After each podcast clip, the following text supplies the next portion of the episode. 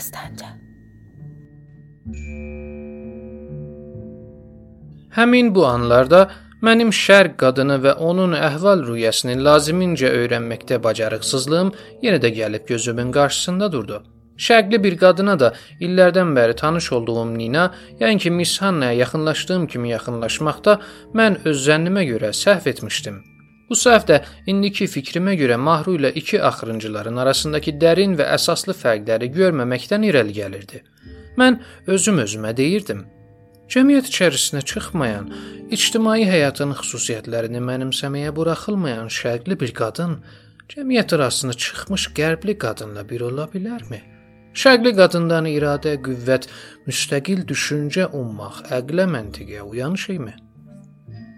Mən örtülü gəzən hər bir şərqli qadının da özünə məxsus, hətta başqalarında təsadüf edilməyəcək müstəqil bir xüsusiyyət, qüvvət və iradə olduğuna və azacıq sonra fikrimin yanlışlığı ilə üz-üzə gələcəyimi bilmirdim. Buna görə də daxili həyəcanlar, təşvişlər və çırpıntılar içərisində çabaladığım halda Mahrunu gözləməkdə idim. Nəhayət Mahrunu gətirmək üçün gedən fayton gəldi. Bir neçə saniyədən sonra Təbrizdəki son hadisənin qəhrəmanları burada üz-üzə gələcəkdi.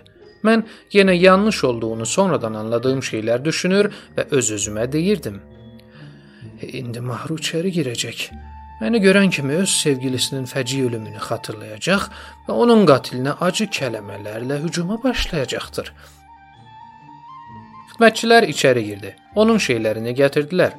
Onların dalınca da Nina və İray da qolundan tutub Mahrunu otağa daxil etdi. Sərdar Rəşid Bədbəxt Mahru deyərək onun qara saçlarını sığalladığı zaman mən də Mahrunun gözlərinə diqqət edir, indidən onun əhval-ruhiyyəsini öyrənməyə çalışırdım. Mahrunun dildə demək istəmədiyi sözləri çatma və qara qaşlarının arasında mövcud olan cizgilərdə oxumaq mümkün idi. Onun hər baxışından çəkilməz bir müsibətə qarşı döş gərdiyi və bundan da müthiş bir ağırlıq hiss etdiyi aydınca sezilirdi. O birdən-birə dönüb kinli bir nəzərlə Sərdar Rəşidi ayağından başına qədər gözdən keçirdi. Bununla da biz onun Sərdar Rəşidə qarşı dərin bir nəfrət bəslədiyini anladıq. Mən indi keçmişdə hər bir baxışından bədii zövqlər aldığım bu şərqi gözəlinin, bu şərqi qızının doğrudan da tamam bir qəhrəman olduğunu görürdüm. Qara ipəklərə bürünmüş bu qəhrəman Sərdar Rəşidə baxışları və bu baxışların saçdığı sonsuz nifrətləri ilə çox qorxuncdur. Sonra Mahru gözlərini süzərək qara kirpiklərinin arasından düşüncəli nəzərlərlə mənə baxdı. Mən irəli yeriyib onun əlini sıxdım.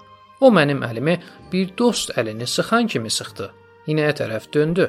İnanın əlini sıxdığı zaman mən Mahrunun gözlərinə diqqətlə baxırdım. Onun gözləri ağlamsıyırmış kimi idi. Mən qismən sakit olmuşdum. Buna görə də ona müraciətlə Mən sizi anlayıram Mahru xanım. Sizin müsibətiniz olduqca ağırdır.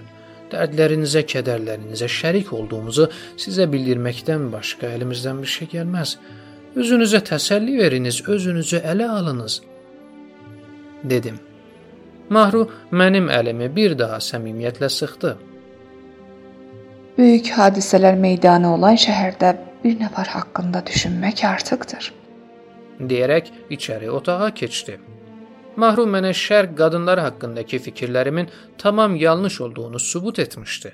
İctimai həyatda bir mövqeyə sahib olmamaq, evdə də ictimai həyatda olduğu kimi köləlik yenə də Mahrunun iradəsini və şəxsiyyətini əzməmişdi. Onda müstəqil düşüncə, şəxsiyyət və ideal var idi. Onda bu yolda mübarizə etməyə həvəs və qabiliyyət də yox deyildi. Bundan başqa Mahrum mənə bir şey də öyrətmişdi. Qəhrəmanı yalnız romanlarda aramaq doğru fikir deyildi. Qəhrəmanı həyat yaratdığı üçün onu həyatda axtarmaq lazımdır. Dastanca. Biz axşam saat 9-a qədər Sərdar Rəşidin evində qaldıq. Lakin Aleksandr Smirnovun meyidini gətirmədilər. Onu konsulxanada saxlamışdılar. Vidalaşıb çıxdıq. Küçələrdə kimsə yox idi. Dünən axşam bütün şəhəri əlinə alan Nəzmiyyədən bir nəfər də olsa görünmürdü. Çünki onlar toplanmaq və səfərə çıxmaq əmrini almışdı. Nina İraydaya qarşı çox acıqlı idi. Mənə müraciətlə Bizim İrayda da çar müstəmləkəçiliyinin bir alətidir, dedi. Bir neçə gün əvvəl gözəl marşa nəğmələrini oxuyub gürültü ilə keçən rus sərbazı oynağı olan küçələr indi başlı başına idi. Dünən gecə müsəlsəl və tüfəngin səsləri bütün Təbrizi titrədirdi. Bu gün o gürültüləri Təbriz şəhərinin mərsiyə səsləri və vay-hüseyn sədaları əvəz edirdi. Mən Ninanı və qızları evə düşürüb Məşədi Kazım ağanın evinə qayıtdım. Onu böyük bir istirab içərisində gördüm, çünki onun mənim müqəddəratımdan xəbəri yox idi. Mən ona axşam saat 11-də iclas çağırmasını tapşırdım və iclasa gələcək adamların siyahısını verdim. 4 gündən bəri idi ki, nə mən, nə də Nina Rus konsulxanasına getməmişdik. Konsulun nə kimi tədbirlər gördüyündən xəbərimiz yox idi. Buna görə də Miss Hanna ilə təcili görüşüb nə kimi siyasi xəbərlər olub olmadığını öyrənməyi lazım bildim. Miss Hannanın evinə gedərkən heç bir adama təsadüf etmədim. Hər tərəfdə bir qəbristan sükutu hökm fərmaydı. Nə bacalardan tüstü çıxır, nə də pəncərələrdən işıq gəlirdi. Sanki bütün Təbriz palçıq damlarının altındakı yorğanına bürünüb, yarınki Təbriz haqqında düşünməkdə idi. Misannanın qapısını vurdum. Xidmətçi qadın qapıya çox təxirlə gəldi. O qapının dalında durub "Kimdir?" səslədiyi zaman mən titrək səsindən onun nə qədər qorxduğunu duydum. "Madam, özgəsi deyil." deyərkən məni tanıdı və qapını açdı. Misanna məni gördüyü zaman öz gözlərinə inanmırdı. Mənim məhv olduğumu yəqin etmiş imiş. Şadlığından ağladı və boynuma sarıldı. Miss Hanna'nın keçirdiyi həyəcanlı saatlara aid söylədiyi sözlər bir şairin şeiri qədər mövzun və səlis idi. Lakin onun gözəl və yalvarıcı səsi mənim qulaqlarımda bir bayquş səsindən daha uğursuz, ondan daha kədərli idi. Hər zaman səsini dinlərkən zövq duyduğum bu qızın indi hər bir kəlməsi içərimdə ölüm xəbəri qədər acı təsirlər doğururdu. Nədənsə indi hər şey və hər kiçik təsadüf məni bədbin fikirlərə sala bilirdi. Heç şeydə müsbət bir tərəf görmürdüm. Elə dalğındım ki, qızın evinə nə üçün gəldiyimi də unutmuşdum. Qız yenə də adəti üzrə əllərini çiynimə qoyaraq gözlərimə baxırdı Daima vücuduma toxunarkən yorğunluq və kədərlərimi unutduran əllər indi nədənsə çiyinlərimdə çəkilməz bir ağırlıq təşkil edir və bir elektrik qüvvəsi kimi varlığımı sarsıdırdı. Sevgilər, məhəbbətlər duyduğum göz bəbəkləri də sanki mənim ümidlərimə gülür və istehzalar yağdırırdı. Kirpiklər isə bir nəştər kimi göz bəbəklərimi yarmağa çalışırdı.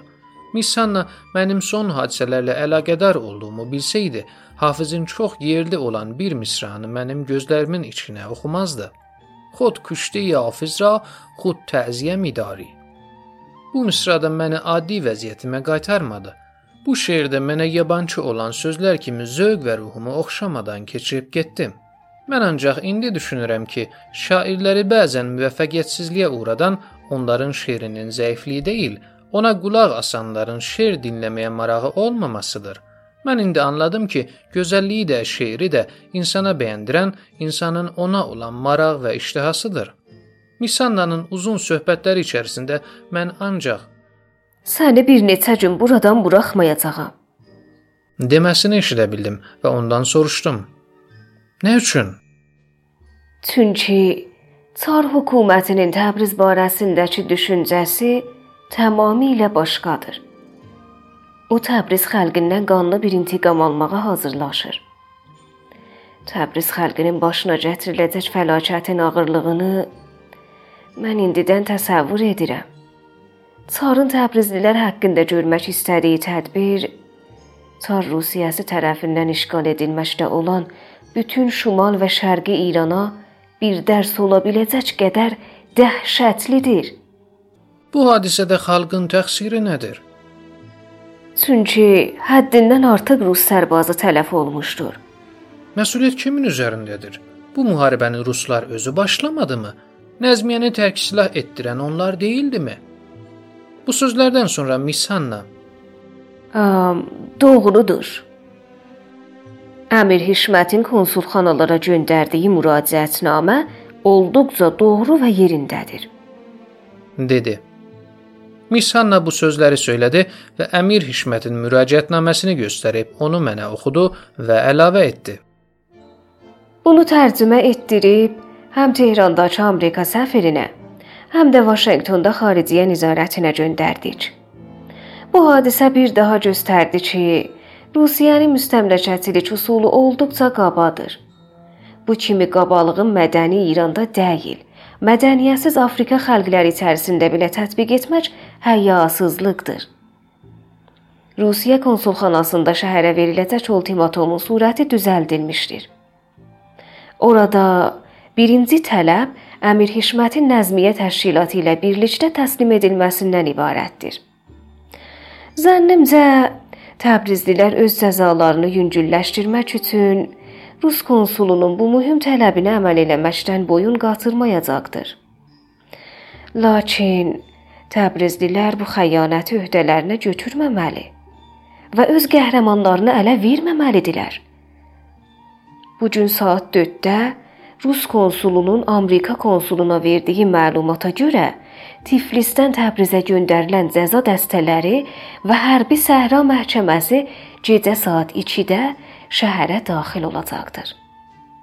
Təbrizin vaxtaykən müəyyən edilmiş bir neçə məhəlləsinə yaylım top və tüfəng atəşi açılacaqdır. Səni buradan buraxmaq istəmədiyimin də səbəbi budur. İndi üst paltarlarını soyun Rahat ol. Eşikdə işin yoxdur. Mən qızın əlindən qurtarmağa tələsirdim. Orada qala bilməyəcəkdim. Nəzmiyyəni və Əmir Hişməti şəhərdən çıxarmaq və inqilab rəhbərlərini çarın qanlı əlindən qurtarmaq üçün hazırlıq görmək lazım idi. Buna görə də mən qıza səmimi söz verdim. Gedib yenə də qayıdaram. İnana bilmirəm. Sənə and içirəm. Gəlib şam yeməyini də burada yeyəcəyəm. Hər gah gəlməsən özüm gəlib səni gətirəcəyəm. Çünki bu gecə Təbrizli adı daşıyan və öz evində gecələyən hər bir nəfəri böyük bir fəlakət gözləyir. Bu kimi hadisələrdə insan özünü qorumalıdır. Mən yenə də qayıdaram, əmin ol. Mən heç kəsdən qorxmuram. Hər kəs məni zərərsiz və bitərəf bir şəxsiyyət kimi tanıyır. Özüm də xalqın düşündüyü kimi zərərsiz və bitərəfəm, dedim. Saat 11 tamamda Mishanna'dan ayrıldım.